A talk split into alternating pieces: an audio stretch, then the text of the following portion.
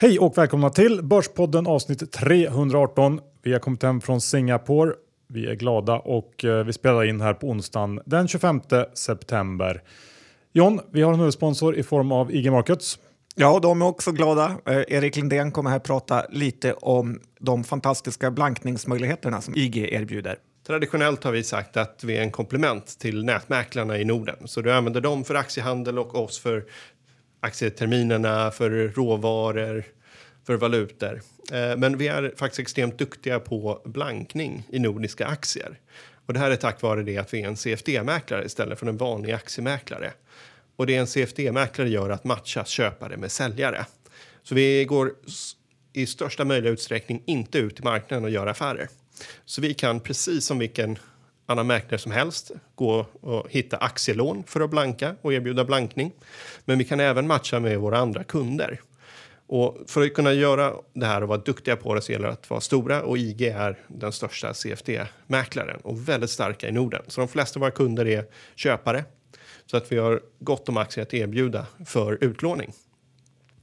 Eh, och detta gör vi även till ett väldigt lågt pris så att eh, håller man på med blankning och vill göra det här mer än en dag, då vill man säkert använda sin kapitalförsäkring. Men vill du hålla mer än en dag så är inte det möjligt.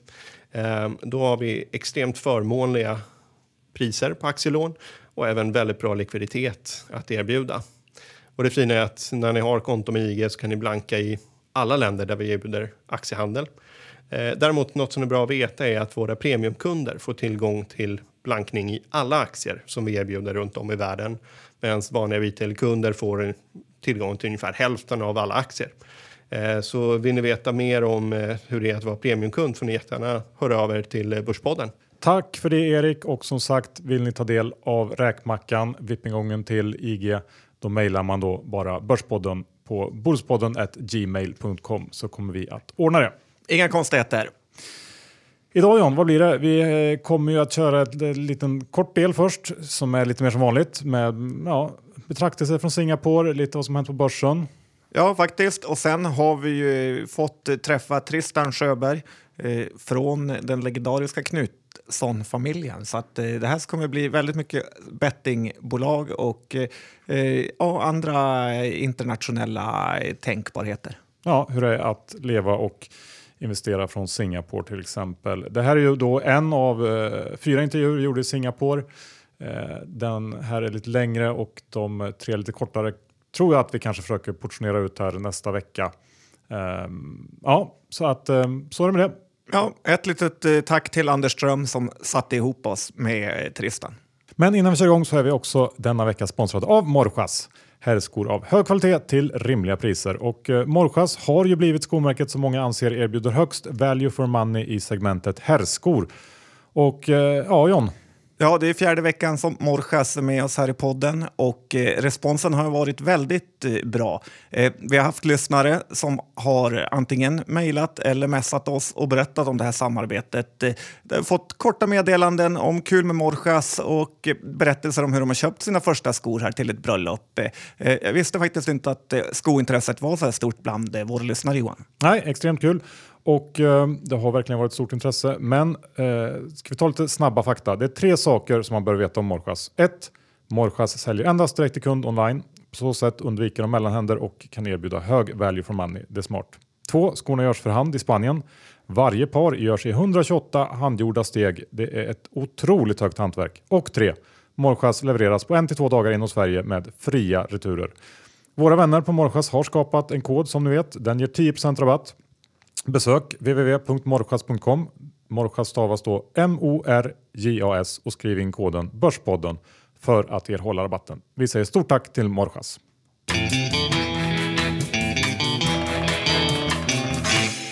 Johan, Dr. Väs Isaksson, index är på 16-14 och eh, börjar få lite höstanvind här på börsen, eller vad säger du? Är det så det heter? Höstanvind? Ja, nej, men det, det var väl ett bra Eh, uttryck. För äntligen så har vi ju påbörjat den här efterlängtade rekylen och eh, det känns ju faktiskt rent fundamentalt i alla fall väldigt, väldigt rättvist. Eh, för på makrofonten så fortsätter dåliga siffror att komma in och eh, sen har ju hela den här techsektorn eh, som är ju lite av en bubbla fått pyspunka efter WeWork-fiaskot och vi har ju också fått en hel del ytterligare vinstvarningar i Europa sedan förra veckan. Eh, vi har haft HMS här hemma i Sverige, Wärtsilä i Finland, eh, SAF Holland, Thomas Cook gick i konken, eh, det här robotbolaget, eh, vinstvarna och nu på morgonen tyska eh, Pfeiffer Vacuum som ju delvis är en konkurrent med Atlas. Så det är ganska spridda skurar tycker jag, många som ändå vinstvarnar trots att det är mm, Ja, vi har inte ens sett hela Q3, även om det bara är någon vecka kvar. Men bilden av en, en svag världskonjunktur stärktes ju också verkligen efter vårt besök i Singapore måste jag säga. Det är en av världens största shipping och handelshubbar vilket gör att man ganska direkt märker av när, när världshandeln kyls av. Eh, så med tanke på hur man kört upp allt cykliskt eh, här eh, efter sommaren så borde nog ändå den här osäkerheten kunna bita sig fast tror jag. Eh, I alla fall fram till Q3 och så får vi se hur de blir. Men, men de börjar droppa in om en knapp månad och eh, det känns ju eh, spännande ändå. Ja, faktiskt. Som du säger, det var ju väldigt mycket prat om handelskriget där nere i Singapore och eh, den här avmattningen. Samtidigt så ska man ju komma ihåg att det här är ju den absolut eh, svagaste perioden på börsen. Eh, alltid. Eh, eh, ingen kan ju förklara riktigt varför det är så, eh, men ofta kanske det är så att man är lite besviken på avslutningen av det här året och det är ändå för tidigt för att blicka in i 2020.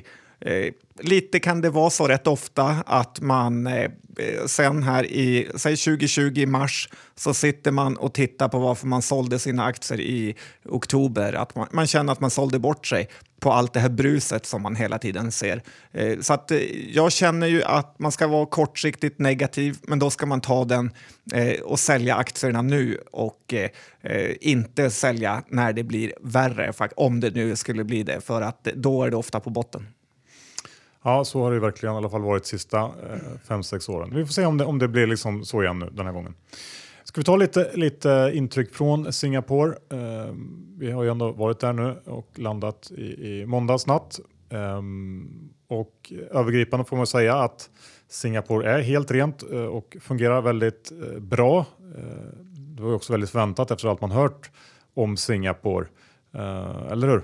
Ja, det är väl lite så. Vi hade väldigt höga förväntningar på Singapore och därför var det nästan svårt att överträffa dem.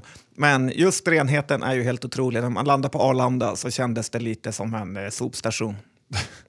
ja, eh, tittar man på, på eh, ekonomin där nere och vad folk snackar om, det var ju väldigt stort fokus på fastigheter. Eh, man kan ju inte undgå att få lite sån här bubbelkänsla när man hörde om, om priserna för rätt medelmåttiga objekt.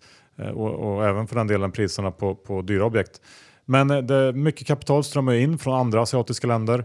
Eh, det finns ingen kapitalskatt och så vidare och vi fick ju höra om om till exempel rika kineser som gärna gömmer lite kapital i Singapores fastighetsmarknad Um, så den, den, um, ja, den fick man ju lite dåliga vibbar av ändå kan man ju tycka. Ja, faktiskt. Och det känns som att bank och fastighet hänger ihop på att eh, bankerna lånar ut pengar, fastigheterna ökar i värde och sen snurrar det bara på. Eh, definitivt eh, så är det ju fakta att det är en bostadsbubbla. Frågan är om den någonsin kommer spricka. För, eh, men priserna är ju helt... Ja, det är som, Stockholm är så billigt så att det är otroligt om man jämför. Ja.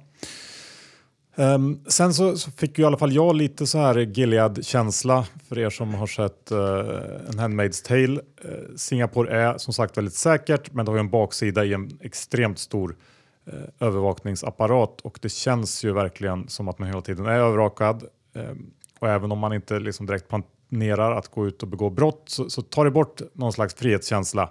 Um, och, och kanske på kuppen så gör det Singapore lite mindre levande än till exempel eh, Tokyo och Hongkong som vi har besökt i andra sådana här Börspodden reportageresor. Ja, faktiskt. Eh, jag håller helt med där. Det är läskigt, även om jag inte är något stort fan av Handmaid's Tale och titta på gravida kvinnor, men vi är alla olika.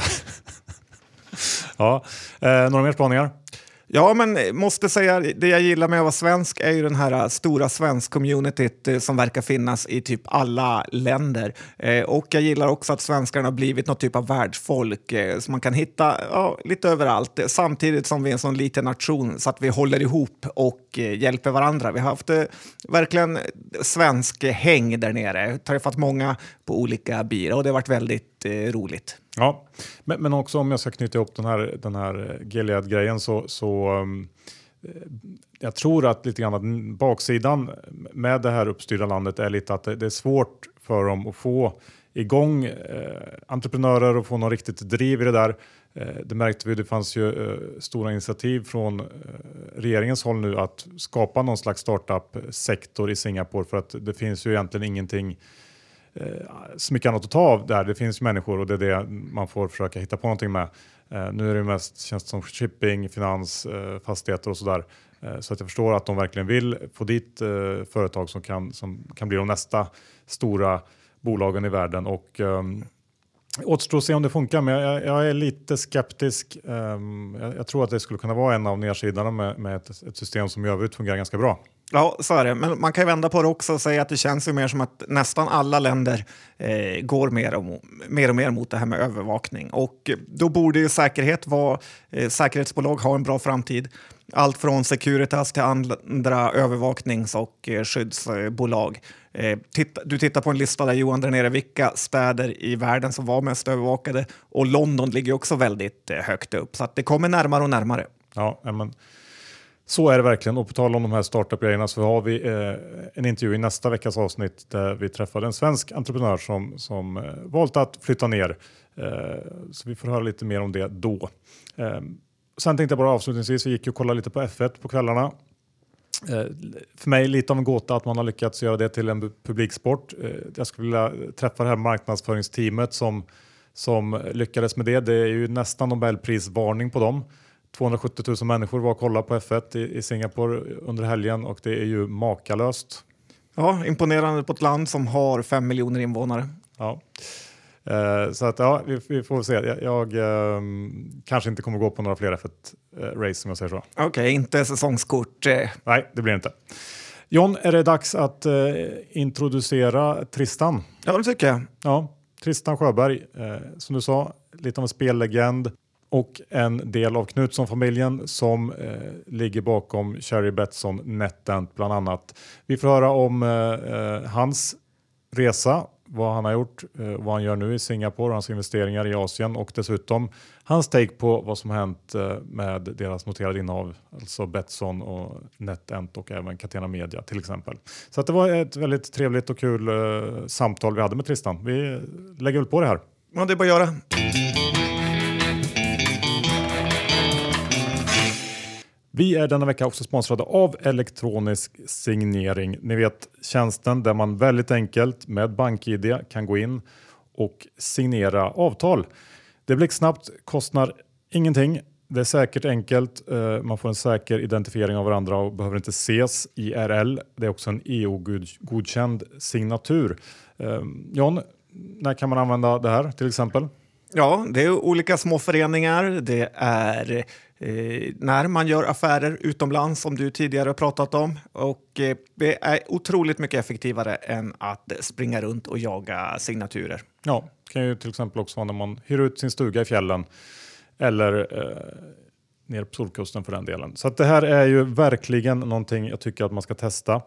Eh, man behöver inte registrera sig för att använda elektronisksignering.se signering.se eh, och inga uppgifter sparas heller. Så att gå in på elektronisksignering.se och testa.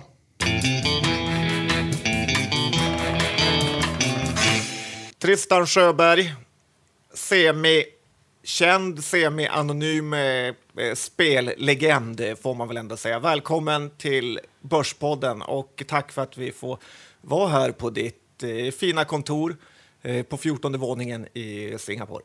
Tack själv. Det där med legend tror jag inte jag riktigt håller med om, men, men tack i alla fall. Och roligt att ha er i Singapore. Hoppas ni har en trevlig resa och njuter av min, min hemstad. Absolut, det gör vi. Eh, ska vi börja med att du får berätta lite om dig själv för alla som inte känner till vad, vad, vad du gör och vad du har gjort? Ja, visst. Eh, jag är Tristan Sjöberg, 48 år gammal och eh, svensk. Eh, flyttade till eh, Storbritannien för att eh, plugga eh, en väldigt lång tid sedan. Det var väl ska vi se, det var 91 jag flyttade ut till Storbritannien för att plugga. Pluggade tre år i Wales. Sedan gjorde jag en eh, doktorand som var fem år till. Eh, och sen eh, en vilket område? I marinbiogeokemi. Jag sysslade med växthusgaser, hur de produceras i havet och sen exporteras till atmosfären och hur de då påverkar climate forcing, eh, växthuseffekten. Okej, okay, snabb kommentar. Är vi på väg mot undergång på jorden, alla Greta Thunberg, eller hur ser det ut? Nej, jag, jag, skulle vilja säga att det är en fruktansvärt komplex fråga och eh, vi är inte på väg till undergången. Jorden har en fantastisk förmåga att kunna anpassa sig. Eh, däremot så tror jag att eh, vi som ett släkte kommer att vara tvungna att anpassa oss till nya, eh, nya regler om hur världstemperaturen och isarna kommer att bete sig. Så att jorden kommer att vara kvar, men vi som människoras måste anpassa oss. Men det kommer att ta väldigt lång tid och, som sagt, det är en väldigt komplex fråga. Ja, men det är bra, man lär sig, lär sig mycket här i Börspodden du har, kommer ju lite ur Knutsson-familjen som är känd för att vara storägare i många, många eh, bolag, framförallt inom spelsektorn. Eh, kan du inte börja med en liten bakgrund eh, och ta oss igenom? Absolut, absolut. Det är jag och min bror nu, Mikael Knutsson, som driver våra två bolag. Vi har ju två armar, som vi kan kalla det. Och det är ju Knutsson Holdings baserat i Göteborg, där Mikael är koncernchef. Där har vi då vår, de flesta av våra investeringar inom spelbranschen, men även, eh, även andra eh, sektorer som vi har investerat i. Eh, och sen så har vi en eh, kasinoutrustningsbolag som jag är koncernchef för. Eh, huvudkontoret är i Stoke-on-Trent mittemot eh, Bet365. Och jag sitter själv i Singapore när jag inte bor på Singapore Airlines, vilket jag tyvärr gör alldeles för ofta. Även om det är en bra airline. Och Eh, vi, eh, vi har ju som sagt eh, två stycken armar där. Och eh, våra företag som vi fick eh, ärva ifrån eh, vår far eh, det var han som startade dem eh, i slutet på 50-talet, början på 60-talet. Och han började med ett roulettbord i Stadshotellet på Åmål som han drev. På den tiden så fick man ju ha roulettbord eller blackjackbord eh, om du hade spritlicens, eh, serveringstillstånd. Så han började där med ett bord som sedan blev två bord och eh, vinsten därifrån eh, använde han för att köpa ett tredje bord. Och sen så, ja, innan vi visste det så hade vi väl en 300 bord, kanske till och med 350 bord eh, under management eh, runt om i Sverige. Och sen eh, fast forward till eh, slutet på 70-talet eh, så eh, började han investera i eh, kasinoutrustningsmaskiner. Och eh, där kom då den revolutionerande Chipperchampen som eh, står precis där. Eh, mitt emot mig pekar jag nu på en maskin här på mitt kontor. Och den kom ut eh, första eh, versionen då i slutet på 70-talet som gjorde att i, istället för att ha två kopiärer, en som då eh, delar ut vinster eh, och en som sorterar eh, markerna, du bara helt enkelt sköljer ner markerna i den här maskinen och så sorterar den enligt färg. Så att det går ju mycket, mycket snabbare. Den är till och med inskriven i franska lagen. Har du inte Chipchamp, Trademark, eh, Knutsson eh, Casino så eh, måste du ha två croupiere per roulettbord. Men har du en sån så räcker det med en. Och det la grunden för vad som är nu TCS John Huxley. Och vi har åtta kontor, nej förlåt mig, nio kontor runt om i världen och är på alla eh, världsdelarna. Las Vegas, Eh, vi är eh, i Buenos Aires, Sydney, Macao, Singapore, Marbella, Stoke, York, Johannesburg. Okej, okay, spännande. Vart eh, säljer ni mest just nu av eh, liksom, eh, offline-utrustning? Vi, eh, vi säljer ju väldigt mycket vad som kallas utility products. Det vill säga produkter som gör att gamingfloret, kasinofloret blir effektivare som vår eh, Chipperchamp. Eh, den är ju då eh, nästan 40 år gammal eh, och den är still going strong. Eh, vi har, tror vi har 16 000 enheter ute runt om i världen. Eh, vi displayer som varje bord är nästan är ett måste i, dagens eh, gamingfloor där spelarna kan se vilka nummer som har kommit ut eller backarna, vilka, vilka är de händerna som har spelats. Eh, det är någonting som eh, dagens spelare begär. Så... Men varför vill man ha det egentligen? För att det spelar ingen roll om det varit rött liksom 44 gånger i rad i grund och botten. Alltså, säger du det? Ja, det säger jag. Alltså, det säger du? Okej. Okay kan vara så att du eh, kanske tänker lite för mycket på statistik här alltså. Nej, men om vi tittar på, det är faktiskt lite olika anledningar varför. Eh, om man tittar på eh, baccarat eh, så är det ju väldigt speciella displayer. Och vad spelarna, eh, baccarat-spelarna vill ha, de vill se ett trender och de vill se formerna på händerna. Så de, om det liknar en orm, då vill de spela därefter. Liknar det en, en, en måne, så spelar de därefter. Baccarat-spelarna är väldigt superstitious. Och eh, just shapen av eh, eh, hur man representerar en baccarat-hand är väldigt, väldigt viktigt. Men Baccarat, eh, berätta lite om det spelet. Baccarat är en, en, eh, vad ska man kalla det, en lite förenklad version av 21. Eh, det gäller alltså att få 9 istället för 21. Du, du som spelare gör bara ett enda val. Och det är, ska du spela på banken ska vinna eller att spelaren ska vinna? Så det är ditt enda val. Efter det så gör du inga fler val. Så du spelar på bankens hand eller du spelar på spelarens hand. Och eh, vinner banken och du spelar på banken så får du dubbelt upp minus 5% för det är house edge. Vin, eh, eh, spelar du på eh, spelaren ska vinna och spelaren vinner så får du dubbelt upp av pengarna. Så eh, vad du har då, du har ju ett, ett, ett spel där du inte behöver fatta många beslut och du har väldigt, väldigt låg eh, takeout. 1,25 procent. Vi, vi var ju på kasinot igår kväll och eh, noterade att det var ju väldigt populärt just det här baccarat. Många, många asiater som verkar gilla mm. den här spelformen. Ja, det är, det är ju det mest eh, populära spelet för eh, det asiatiska klientellet runt om i hela världen. Till och med, eh, jag var tre veckor sedan så var jag i Pennsylvania och eh, de skeppar in 90 bussar från Lower Manhattan till Pennsylvania varje dag i Bethlehem och de har, eh, de har 102 baccarabord där. Eh, så att eh, varför det är speciellt eh, populärt hos det asiatiska klientellet, det kan jag inte svara på. Vissa säger att, att det är så enkelt att spela, du bara fattar ett beslut och sen är det klart. Och, och vissa säger att eh, det är numerology, och det är något som är väldigt, väldigt viktigt för eh, speciellt den kinesiska, men även den indiska eh, eh klientellen. Att nummer och vinnande nummer och kombinationer, det, det är något som ger dig eh, good eh, feng shui. Men det här, man pratar om att Macao är lite på dekis, man pratar att eh, Vegas också har det lite tufft. Är det något ni märker av? Nej, Vegas, eh, jag skulle inte vilja säga att Vegas har det tufft eh, at all, utan eh, Vegas är på en uppsving nu istället eh, och har haft det sedan eh, 2014, 2015. Så att Vegas definitivt är i en väldigt healthy state. De slår ju besökarrekord hela tiden och de, deras gross gaming revenue, GDR, är på väg upp de flesta månaderna. Eh, Macau är, är, lite annorlunda och det finns lite, eh, lite olika anledningar på grund av det. Du har ju unrest i Hongkong för ögonblicket. Det, det gör ju att inte så många Hongkong-besökare, eh, som ändå är 60-70 procent av de som eh, spelar, är från Hongkong, eh, åker över dit. Eh, det är lite problem där. Eh, sen så har du Eh, även politiska eh, tryck från mainland China. Eh, det, du kan ju inte som eh, mainland Chinese så kan du inte bara åka över till Macao så där, utan du måste ha ett speciellt pass, kinesiskt pass. Eh, eh Macao eh, Travel Authority för att åka över till Kina.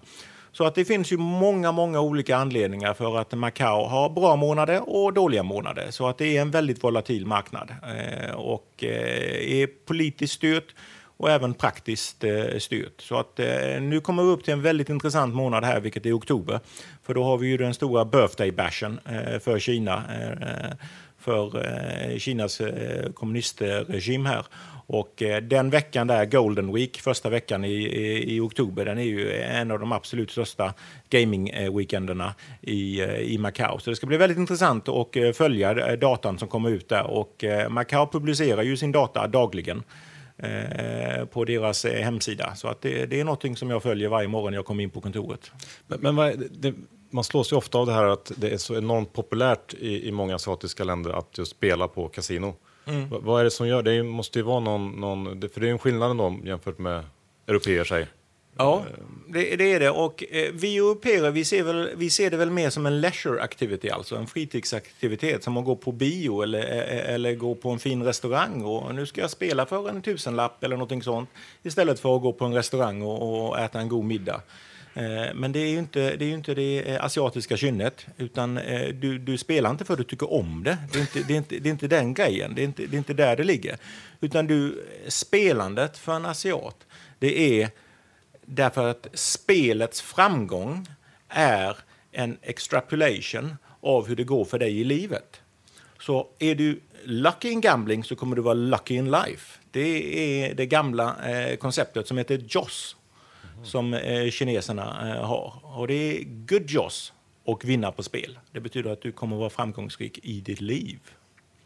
Det var som när jag och Johan var i Macao så eh, satt vi vid ett blackjack-bord där och så pratade jag med några, jag var från Kina eller om det var Indien. Så frågade hur länge de varit här. Ja, sen sju sa de och då sa jag okej, okay, men det är ju flera timmar sedan. De bara nej, i sju dagar. Ja, eh, eh, average sitting vid bordet i Macao är åtta och en halv timme. Så folk som sitter där, de sitter där i åtta och en halv timme. Eh, och eh, medan om du tittar på Las Vegas så average sitting time det är en timme och 52 minuter i Las Vegas. Så det är en helt annan typ och går du in på Starbucks, och vi dricker ju en trevlig Starbucks just nu här eh, på mitt kontor, men går du in på Starbucks på Venetian i Macao så är det ju folk som sover där. De tar inte in på hotellrum utan de, de tar en powernap på Starbucks i 45 minuter, sen går de tillbaka till borden. Ja, det är fascinerande. Eh, men den här marknaden då med fysiska bord och fysiska prylar till kasinon, det känns ju spontant för någon som inte är jätteinsatt som att den inte växer så mycket, att det är mer kanske man byter ut och ja, sådär. Hur, hur ser det ut egentligen? Eh, den, eh, den totala globala gross gaming revenue från offline, offline växer med cirka, den är ganska stabil faktiskt, den växer med ungefär 4,5 till, till 5,5 procent per år. Och eh, den har ju inte sett samma tillväxt som eh, onlineindustrin, klart, men den, den växer fortfarande och den är väldigt stabil. Och, eh, men du, du har helt rätt, det är väldigt mycket utbytnad. Eh, mycket av de produkterna som, eh, som vi säljer här på TCS Huxley, de, de har ju som alla fysiska produkter, de har ju en shelf life. Och, eh, och eh, är de dyra så går de ju på balance sheetet, eh, balansräkningen på kasinona. Och sen så ska ju de depreciatas och sen efter tre, mellan tre och fem år så är de nere på värde på noll. Och det brukar då vara Casino Operators eh, Q för att helt enkelt skaffa in nya. För nu, det, nu, nu kostar det ingenting att replacea dem eh, från en balansräkningsvinkel. Eh, och så köper de in nya. Plus att det gäller ju... Eh, alla kasinon eh, mäts ju mot varandra. Och då gäller det att, ha senaste utrustningen. Delvis för att eh, vara ett eh, häftigt kasinoflor som eh, spelarna vill gå till och delvis för att effektivisera kasinofloret. Kan du, eh, kan du effektivisera ditt kasinoflor med, eh, med en halv procent så är det väldigt mycket pengar. Ja, vi, vi på TCS Huxley vi kom ut med en eh, produkt eh, för ungefär 5-6 år sedan eh, som hette eh, Gaming Floor Live. Och det var ett, ett sätt för att in real time på Baccarabord kolla vad som hände. Allt vad som hände med korten, vad som hände med spelarna, hur lång tid tar det för en, eh, en dealer och eh, samla ihop eh, pengarna, utbetalningar, allting. Så allting på ett Baccarabord mättes av vårt system. Vi, vi kunde påvisa till Las Vegas Sands, som var vår kund då, att vi kunde spara dem sex händer per timme. De, de, de, de, de bara köpte systemet för eh, 2500 bord med detsamma alltså. Om de kan speeda upp sitt spel med sex händer per hours är det ju otroligt stor effektivisering. Mm. Tristan, det är din, din huvudsakliga sysselsättning är, är, är det här bolaget. Du, är du vd eller du, du eh, jag är styrelseordförande kanske? Eh, jag, jag är, egentligen så tog jag över när vår förra vd eh, slutade och då var jag interim eh, vd, interim CEO. Och det har jag då varit interim CEO sedan 2014. Eh, men ja, jag är CEO då, eftersom vi är ett engelskt bolag så följer ju anglosaxisk nomenklatur. Så eh, president eh, om vi sysslar, om vi pratar om det amerikanska bolaget. Eh, men annars är det CEO eller president, ja. Mm. Och vad, vad, dagligdags, vad innebär det för dig? Eh, dagligdags gäller det att eh, hålla koll på eh, överhuvudtaget strategin eh, och eh, mina eh, direct reports. Jag har ju en man eller kvinna som styr de regionala kontoren. Eh, vi eh, på Knutsson-familjen vi tycker väldigt mycket att all business is local. Så vi har ju eh, stora kontor på varje världsdel. Las Vegas, Johannesburg, då, Sydney etc. Och vi har ju då en regional manager, en, managing director för varje världsdel. Så de rapporterar in till mig, så det är klart de kan ju de lokala marknaderna eh, allra bäst. Eh, men jag sitter ju i Asien, så den asiatiska marknaden är ju min baby så att säga. Så att eh, det gäller väldigt mycket att ha kommunikation eh, med mina regional managers. Sen är jag ju speciellt intresserad av teknik, teknologi själv. Så att eh, det är ju min lilla baby också inom bolaget, produktutveckling från den tekniska sidan. Och, även hålla koll på vad är det vi ska göra? Vilka produkter kommer våra konkurrenter ut med och vad funkar, vad funkar inte? Så att det, är min huvud, huvuddagliga syssla. Mm. Och, och sen lite för att knyta ihop den här Singapore-säcken. Vi sitter ju ändå här i ditt kontor i Singapore. Var, varför finns du här? Eh, ja, det eh, jag, jag var här första gången 99 eh, och fell in love med Singapore. Jag tyckte det var en fantastisk stad, fascinerande stad. Och jag brukade ofta stoppa av här på vägen ner till, till Sydney där vi hade ett väldigt stort kontor och fortfarande har Eh, en stor presence. Och eh, då var det enklast att stanna via Singapore på vägen tillbaka till London. Eh, så att jag blev väldigt förtjust i staden och det, det är ju en majoritetskinesisk stad, även cirka, cirka 70 procent och sen eh, Malay och Indien. Så det, det, det fanns ju potential här då för, eh, för spel och eh, de hade ju bestämt sig för många, många, i många, många år att inte ha några kasino här. Men sen när det var eh, en, en ny, en ny premiärminister som kom in så legaliserade de då och sa att nu ska vi ha två stycken kasino här. Och det tyckte jag ju var en väldigt intressant marknad. Asien har ju varit min eh, baby i många, många år. Jag, min fru är kinesiska. Eh, vi har ju in, via Knutsson Holdings flera eh, investeringar i, i Asien. Och eh, det, det, är ju en, det är ju en världsdel som ligger mig väldigt varmt i hjärtat. Så att eh, när de legaliserade då 2007 så bestämde jag mig för att nej, det, jag, vill, jag vill sätta upp vårt Singapore-kontor här då. Eh, jag jobbade i London då och jag sa nej, jag vill sätta upp Singapore-kontoret. Vi hade ett kontor i Macau, så att 2009 flyttade jag till Singapore för att sätta upp eh, vårt Singapore-kontor i, eh, i avvaktan på att eh, kasinona skulle öppna 2010. Och eh, egentligen skulle jag bara vara här två år och sen flytta tillbaka till London. Och som sagt, det var 2009. Och eh, nu är våra två döttrar födda här och jag trivs jättebra här så att eh, affärerna är booming. Så att det finns ingen anledning för oss att flytta tillbaka i, i detta läget. Kul att det går bra för andra. Eh, ska vi då prata lite om Knutsson, eh, Johan? Är Yes. du redo? Eh, du, det är ju ändå rätt kul, att för det är ju bolag eh, vi har eh, följt länge som ni äger. Det är Betsson, det är NetEnt, eh, ni har innehav i THQ bland annat. Eh, men vi kan börja lite med NetEnt. De är mycket hypad kring det här Red Tiger-förvärvet.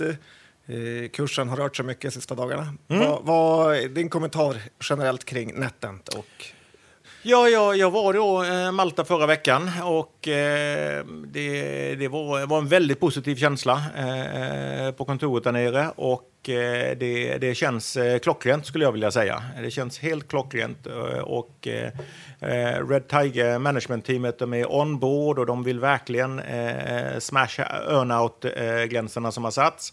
Och eh, det, det här känns som en, en, en riktigt, riktigt bra eh, eh investering eh, för, för Net Entertainment. Och eh, jag, jag skulle vilja säga det att det, jag tror att att ha denna typen av fristående eh, eh, content eh, provider, game studio, som har ett annat tänk. Det kommer eh, att integrera det inom den finansiella delen av eh, Net Entertainment och speciellt då eh, NetEnt Connect, vilket är deras distributionsplattform, kommer att vara fantastiskt. Men eh, det är också skönt att, höra att det kommer inte att Netent-firas för mycket från en eh, HR eh, och eh, kultur eh, eh, synvinkel. Och det tycker jag är väldigt, väldigt viktigt och, det, och som jag förstår det är inte planen heller. Utan, eh, det, jag tror att detta kommer att vara en riktigt, riktigt, riktigt bra affär för alla in, inblandade. Jag läste Börsveckan. De skrev att eh, sälj Netent för de har fått panik. Det är ett panikförvärv. Eh. Vad är din kommentar?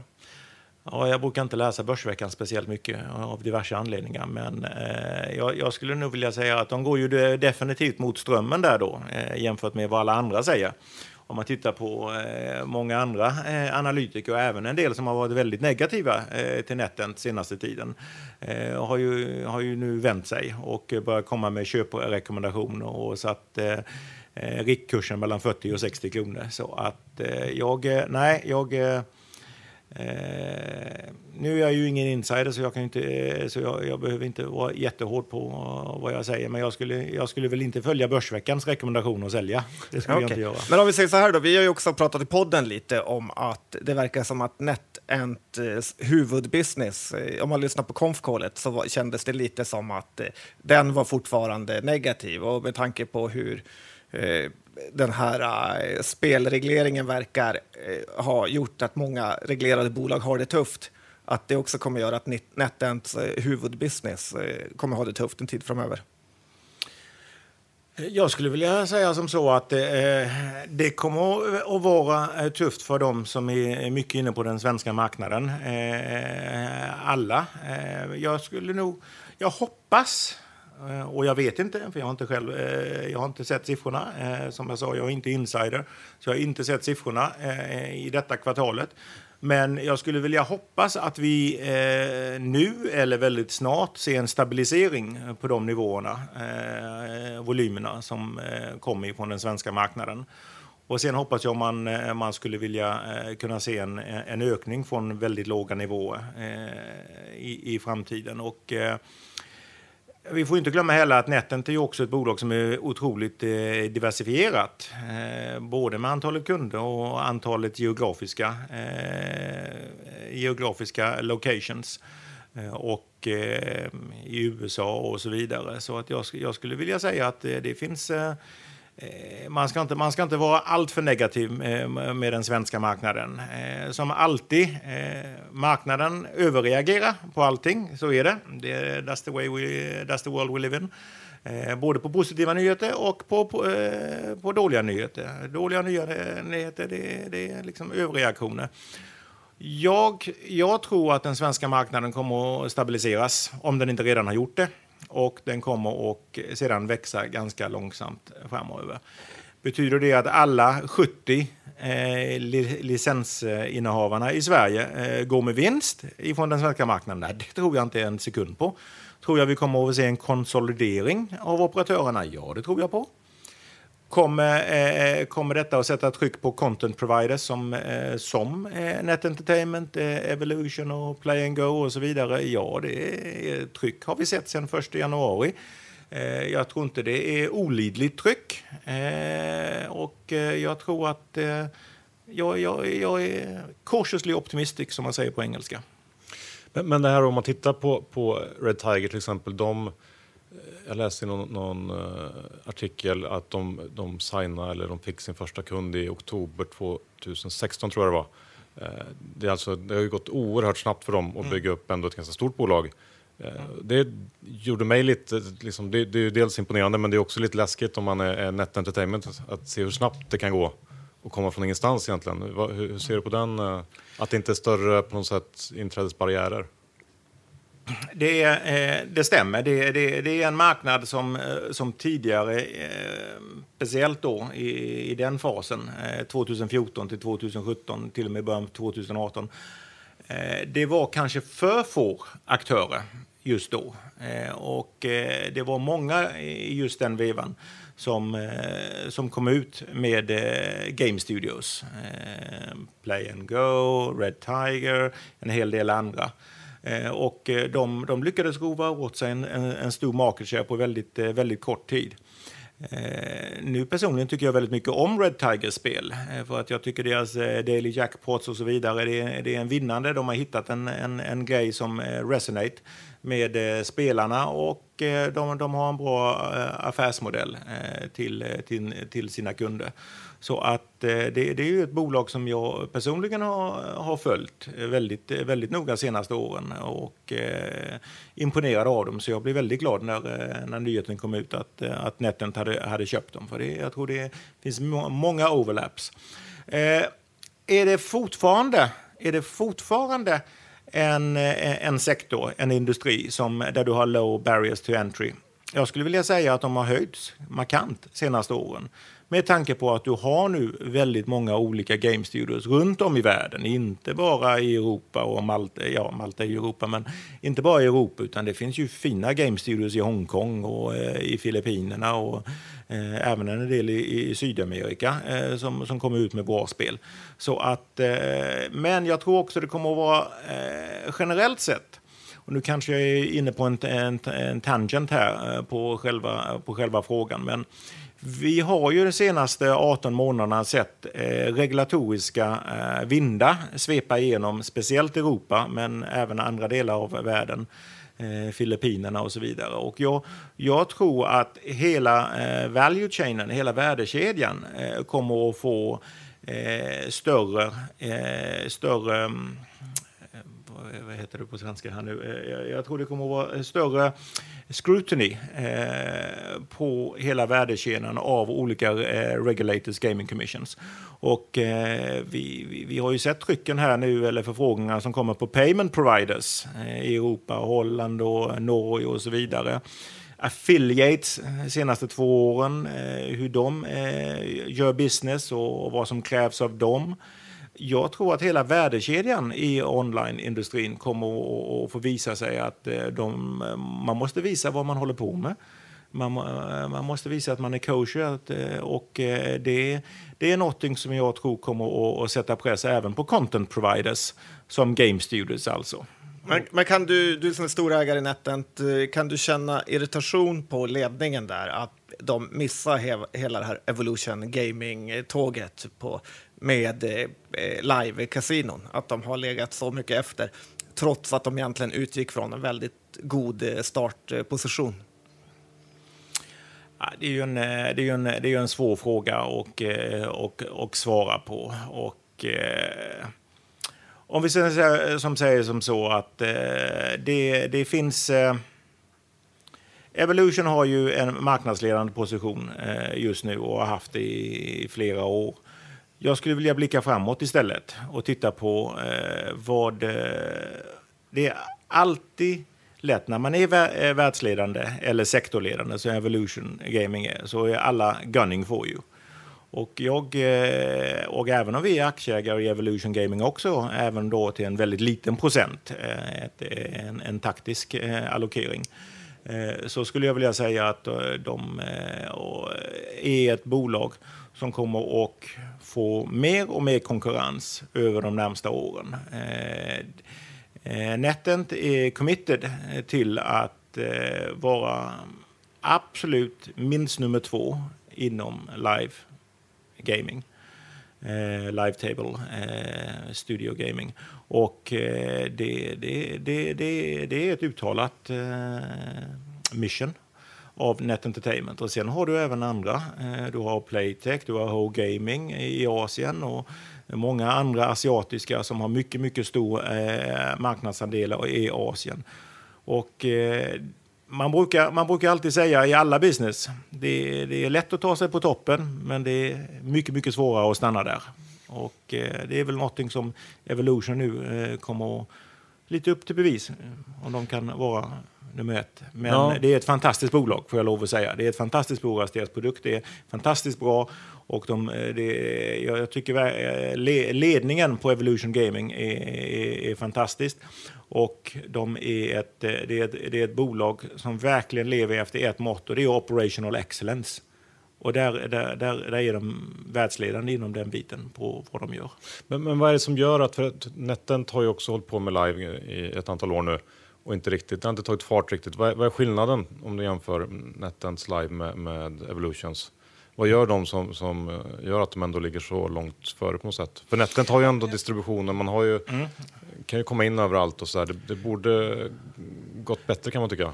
Ja, och jag skulle vilja säga det, det, det är väldigt enkelt skulle jag vilja säga att se var, eh, var, var beslutsträdet gick fel någonstans. Och det är att Evolution Gaming kom ifrån eh, land-based casino eh, biten. Så vad de gjorde det att de tittade på hur ett land-based casino fungerade och sen replikerade de det i en studio environment.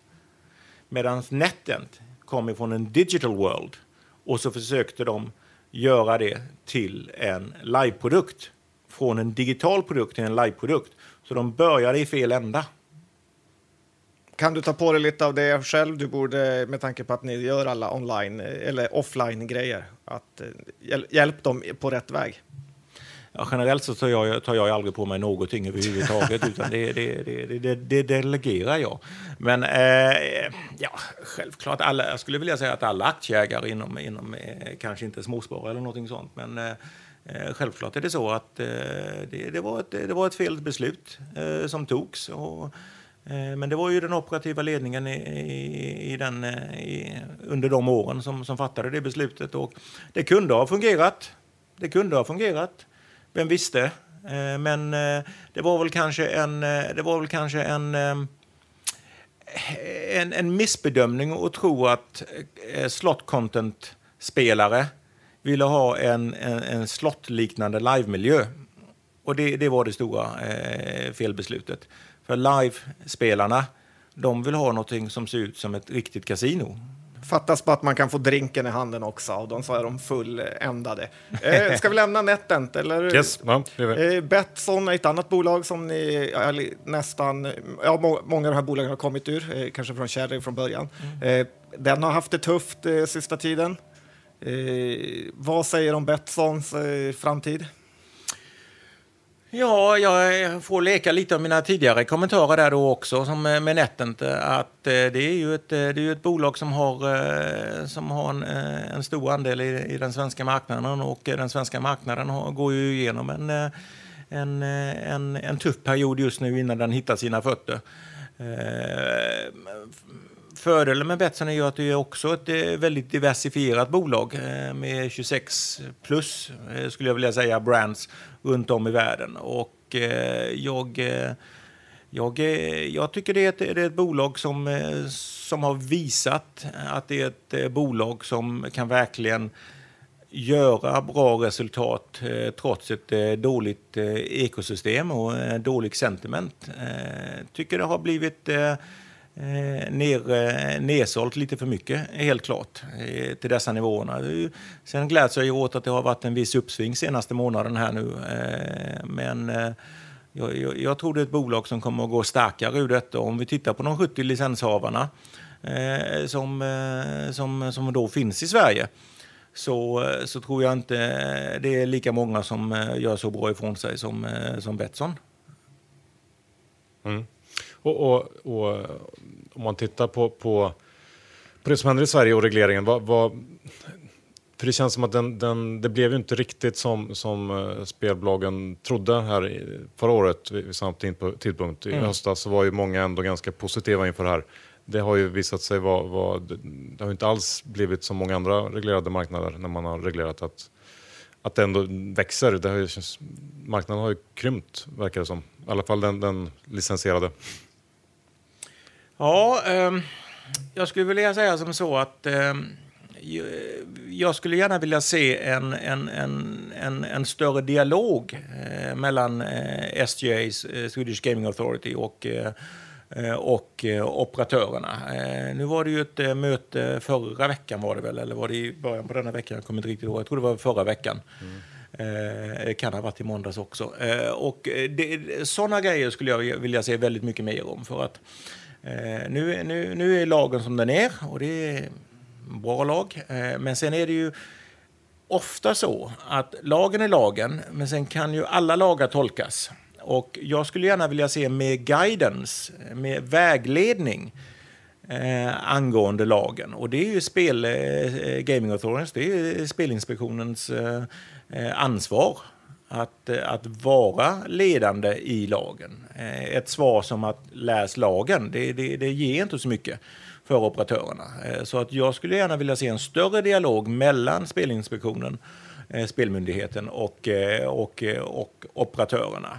Men vad är din uppfattning om den här kanaliseringen? Eh, eh, Vissa pratar, de själva pratar om att det är ungefär 90 procent som har gått till licensierade medan andra säger att 30-40 procent eh, har gått till icke-licensierade operatörer. Vad är din uppfattning om den, Ja, de siffrorna? Ja, nej, 90 procent är inte en chans att, att, att det ligger på 90 procent. Utan jag skulle vilja säga att jag skulle nog säga att ett läckage ligger mellan 20 och 40 procent. Eh, kanske eh, den lägre ändan där, 20 på sportspel och den högre ändan 40 för, eh, för slots, för kasinodelen.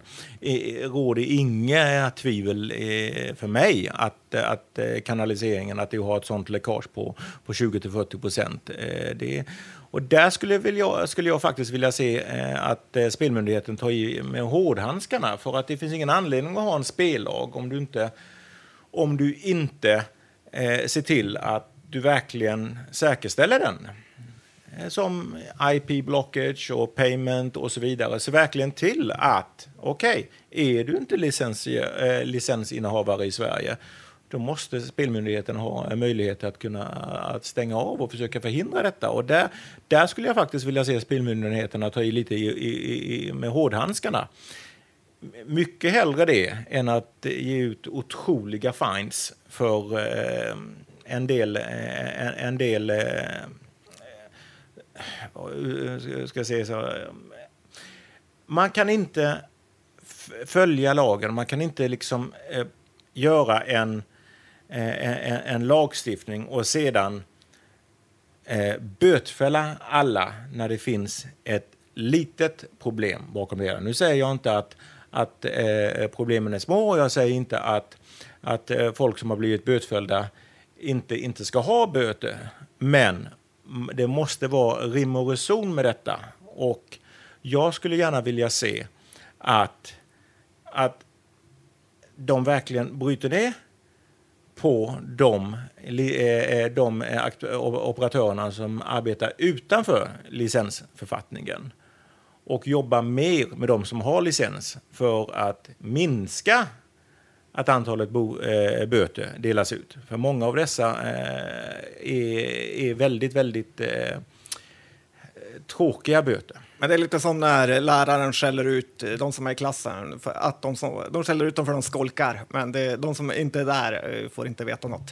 Eh, grejen jag tänkte på var ju att vissa av de här bolagen spelar ju på båda sidorna. Eh, Cherry körde en stor, som har licens med några bolag, körde en stor licens här innan, eh, reklamkampanj innan årsskiftet med Demauler och så vidare eh, för Mobilebet. Och eh, så sökte inte Mobilebet eh, eh, licens och eh, nu i alla fall ryktena på Malta att eh, Mobilebet går väldigt, väldigt bra för att de just eh, kringgår eh, licensen. Mm.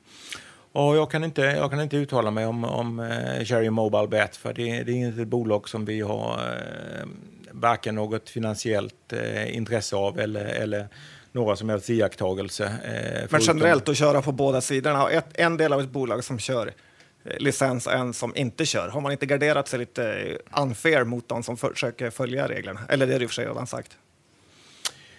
Jo, det kan man tycka.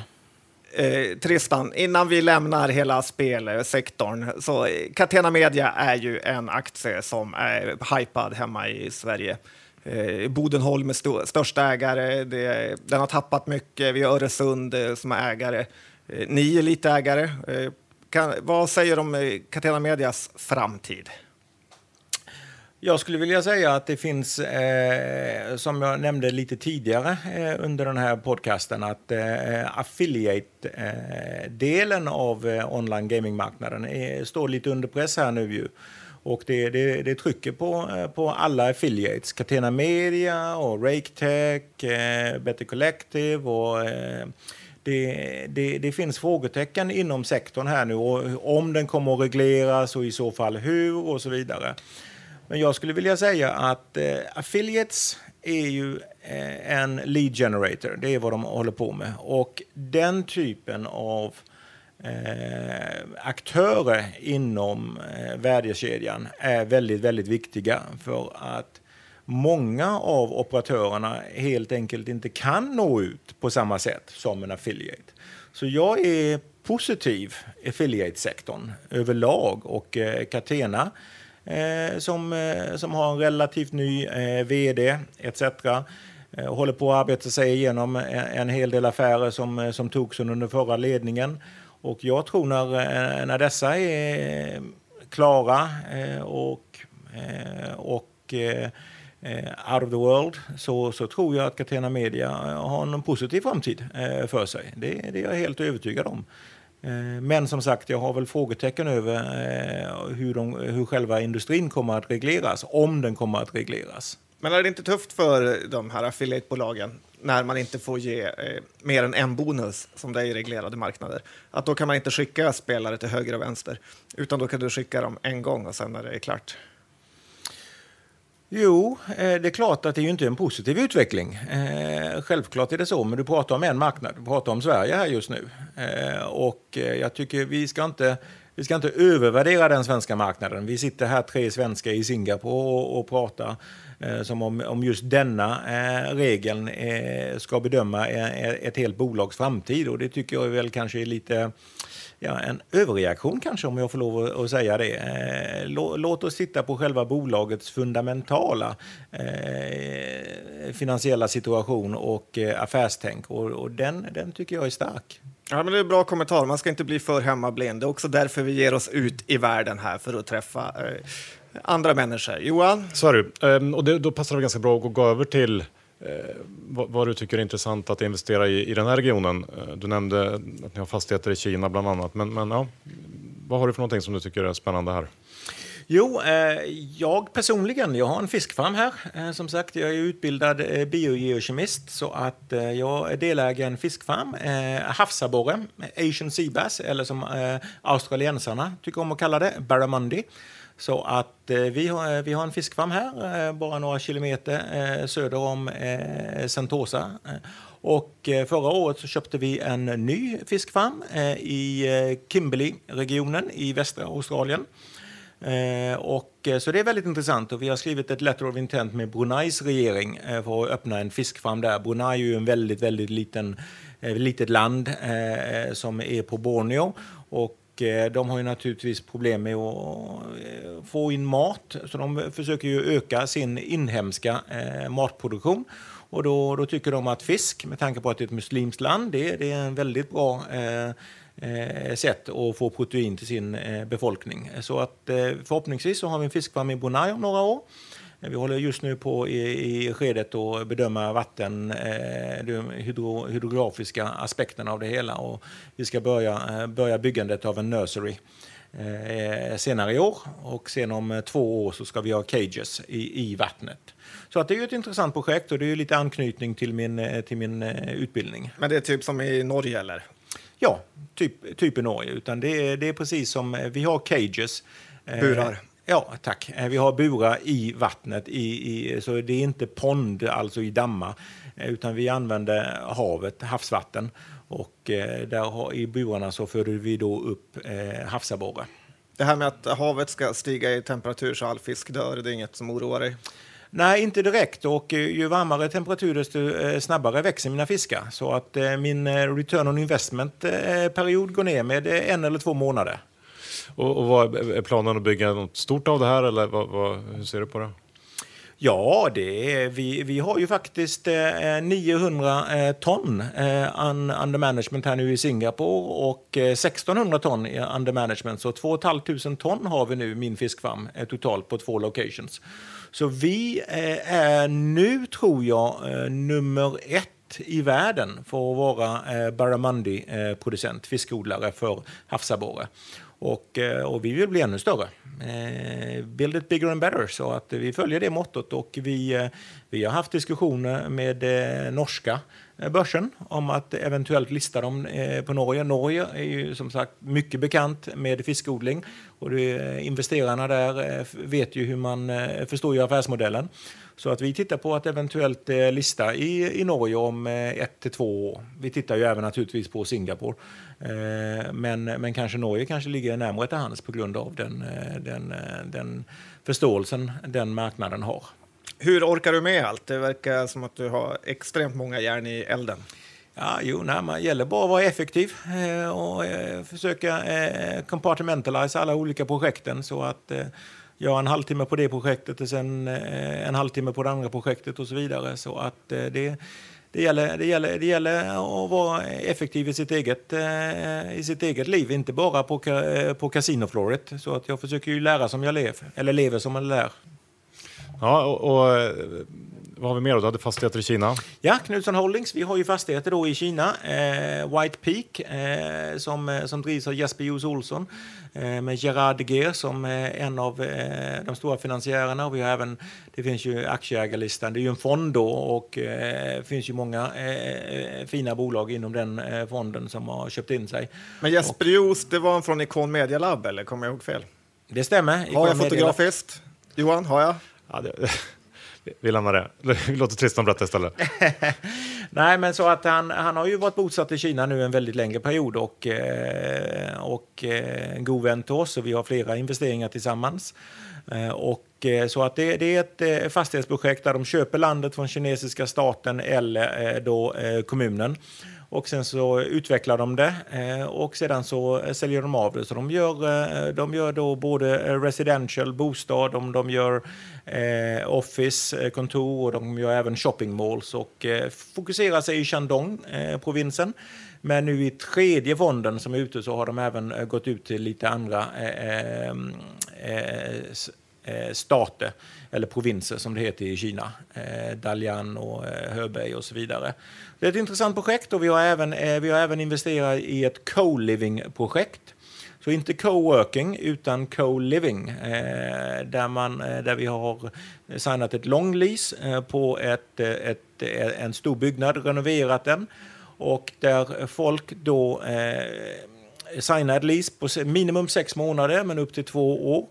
Och eh, Stay heter det, och, eh, men stavas S-T-E-Y. Det har även byggts en, en, eh, en internetplattform, en proprietary internetplattform, så allting styrs via en app eh, på din telefon. Och om du bestämmer dig för att till exempel, nej, nu ska jag, om du har då den här lägenheten i Beijing och, och du säger nej, nu ska jag åka till eh, London och, och gå på sightseeing en vecka, så kan du hyra ut ditt rund. Så här pratar vi alltså om att öka beläggningen på fastigheterna från 100% till 100% plus. Och eh, det, eh, det har vi ju sett också nu sen vi lanserade eh, i början på året att vi ser ju en beläggning på 115-120 procent på dessa fastigheterna. Och då delar vi när en, en, en, en som har en lägenhet, en leasingtagare, när han hyr ut lägenheten så sköter vi det administrativa och det operativa och så delar vi på intäkterna ifrån att hyra ut den eh, en andra gång. Så att det, det ser väldigt, väldigt positivt ut. Vi har två fastigheter nu eh, klara i Beijing. En tredje ska öppna om några månader. Och, eh, och vi branchar ut till eh, Shanghai och lite andra eh, städer. Tittat runt om i hela världen. Eh, mycket, mycket, mycket homework, mycket hemläxa som har gjort för att få ihop detta. Och det är en eh, Jesper som, eh, som är den drivande kraften bakom detta. Och, eh, vi är med på ett hörn. Vi har gjort affärer med Jesper i många, många år och eh, vi, eh, vi saminvesterar eh, ofta när vi hittar rätt projekt. Vad säger du om Kina då generellt? Är det något man som PPM-sparare ska stoppa in lite eh, pengar i eller vad tycker du om det landet som investerar? Eh, jag, jag, jag, jag är ju väldigt eh, eh, för Kina eh, om man tänker på den, eh, den, eh, den, den stora eh, framtiden som landet kommer att ha. Det är ju ett av de, eh, det, är ju det, det landet med den högsta befolkningen. De har varit fruktansvärt eh, effektiva med att flytta folk ifrån eh, låg, eh, låginkomsttagare till medelinkomsttagare. Och naturligtvis har de sina politiska problem och du har en, en väldigt tajt eh, du har en väldigt tight eh, affärssektor, hur man ska bete sig och vad för, vad för affärer du kan göra och hur du ska göra dem.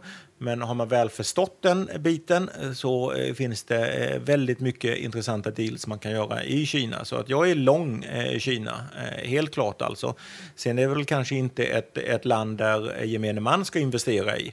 Eh, Det, det tycker jag man får vara lite eh, försiktig med. Däremot så skulle jag vilja säga att jag, jag, eh, jag tycker alla eh, aktiesparare eh, borde investera i någon form av asiatisk eh, fond eh, som, som har en exponering mot, eh, mot Asien. Eh, Kina, thailändska ekonomin, den ekonomin som går bäst i hela Asien, det är thailändska. Det får vi inte glömma. Det finns mycket, mycket intressanta bolag i Thailand. Indonesien är ett, är ett land som, som verkligen har kommit upp sig. De håller på att diversifiera sin ekonomi. De har en väldigt välutvecklad eh, finanssektor, eh, stora banker. Eh, de har en byggnadsindustri som är, som är booming. Eh, de ska flytta sin huvudstad nu från Jakarta till Borneo. Så att eh, Thailand, Indonesien, eh, Kina, det, det, är länder som jag definitivt skulle vilja råda ha någon exponering till, absolut. Sen är jag eh, lite mindre eh, positiv till Malaysia. Jag tycker de har stora problem för ögonblicket med sin eh, political governance.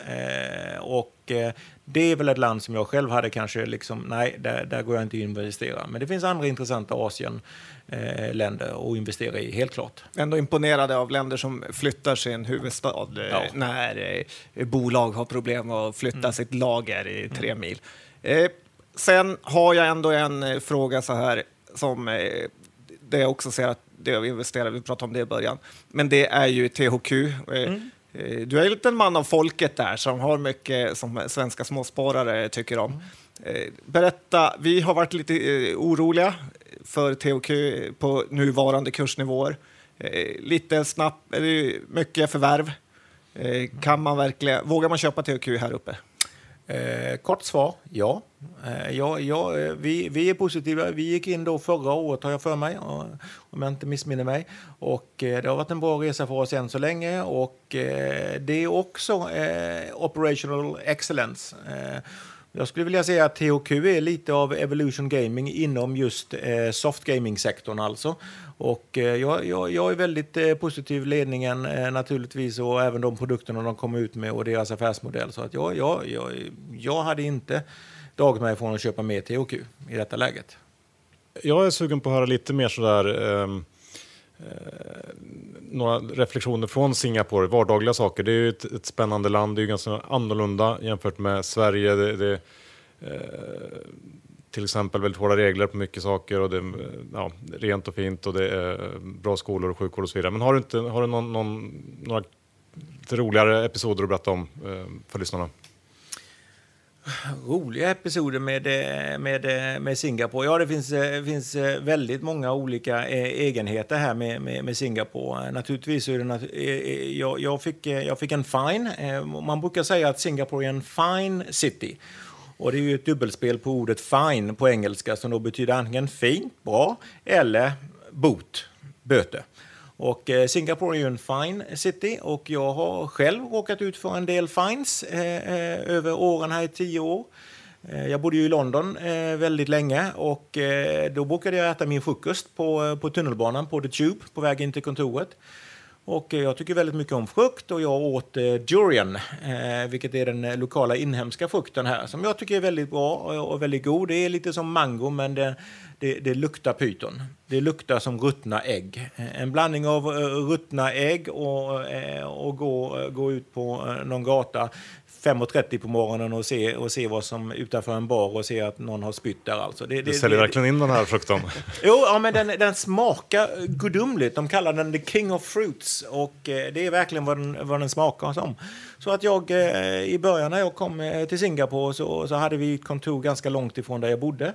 Och då satt jag på tuben, eller MRT som det heter här. Och eh, ja, jag åt min eh, durian eh, på, eh, på tunnelbanan. I, och det kom ju fram en polis där och sa att nej, det är förbjudet. Jag, jag fick faktiskt eh, bota 500 singdollar och då gånger sju då så eh, ja, 3, 3500 kronor för att jag åt durian på tunnelbanan.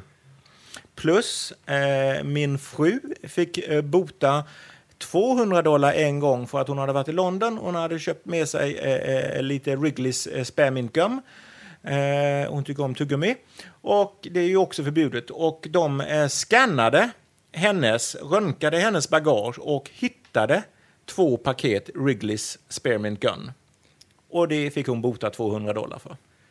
Ja, det är hårda bud. tufft. Ja, verkligen. Tristan, ti- tiden börjar rinna ut här. Vi, ehm, vi ska ju ner och kika lite på F1-racet ikväll. Ehm, har du några, några andra tips sådär, vad vi borde göra? Eller någon, något, eh, sådär? Vad, vad ska man göra när man hälsar på i Singapore? Ja, vad ni definitivt ska göra det är liksom gå till de här hawker stalls. Eh, Singapore är väldigt känd för sin mat och sina food markets. Det kallas hawker stalls här. Alltså väldigt, väldigt, väldigt små eh, eh affärer där de säljer eh, eh, mat och eh, till, tillagad mat då. Och eh, det finns ju faktiskt hawker stalls här som har Michelinstjärnor. Och de- har varit i, i samma familj i fem, sex generationer. Och de har lagat just sin specialrecept. Oftast de här stålsen, de serverar bara en maträtt, kanske två maträtter. Och så har de ett hemmalagat recept som är väldigt, väldigt, väldigt specifikt för just den familjen. Så definitivt gå ner till en eh, Hawkerstall. Det är inte bara glitz and glamour i Singapore. Gör som the locals. Gå ner på en Hawkerstall eh, food center. Beställ lokal mat ha en öl på det och sitta och njuta av, av att och prata med lokalbefolkningen. Eh, I princip alla pratar engelska och är väldigt gemytligt, även om kanske eh, hettan och eh, fuktigheten kanske blir lite tuff efter någon timme. Men eh, definitivt det. Mm, jag har ju ätit eh, hamburgare till middag och frukost idag, så att jag kanske måste hitta på något eh, nytt. Eh, du ser inte imponerad ut. Åh nej, nej, nej, herre kors. Åh nej, nej, nej, snälla, snälla. Eh, Detta, detta är sorgligt att höra. Jag trodde ni var proffs. Ja, jag vet inte riktigt vad som... Vad Inte som på den fronten. Nej, nej, men vi ska skärpa till oss. Så att vi får... Uh, Håker Ståhl blir det i- ikväll. Tack så mycket Tristan för att vi fick komma förbi. Tack så hemskt mycket och eh, njut av resten av tiden i Singapore.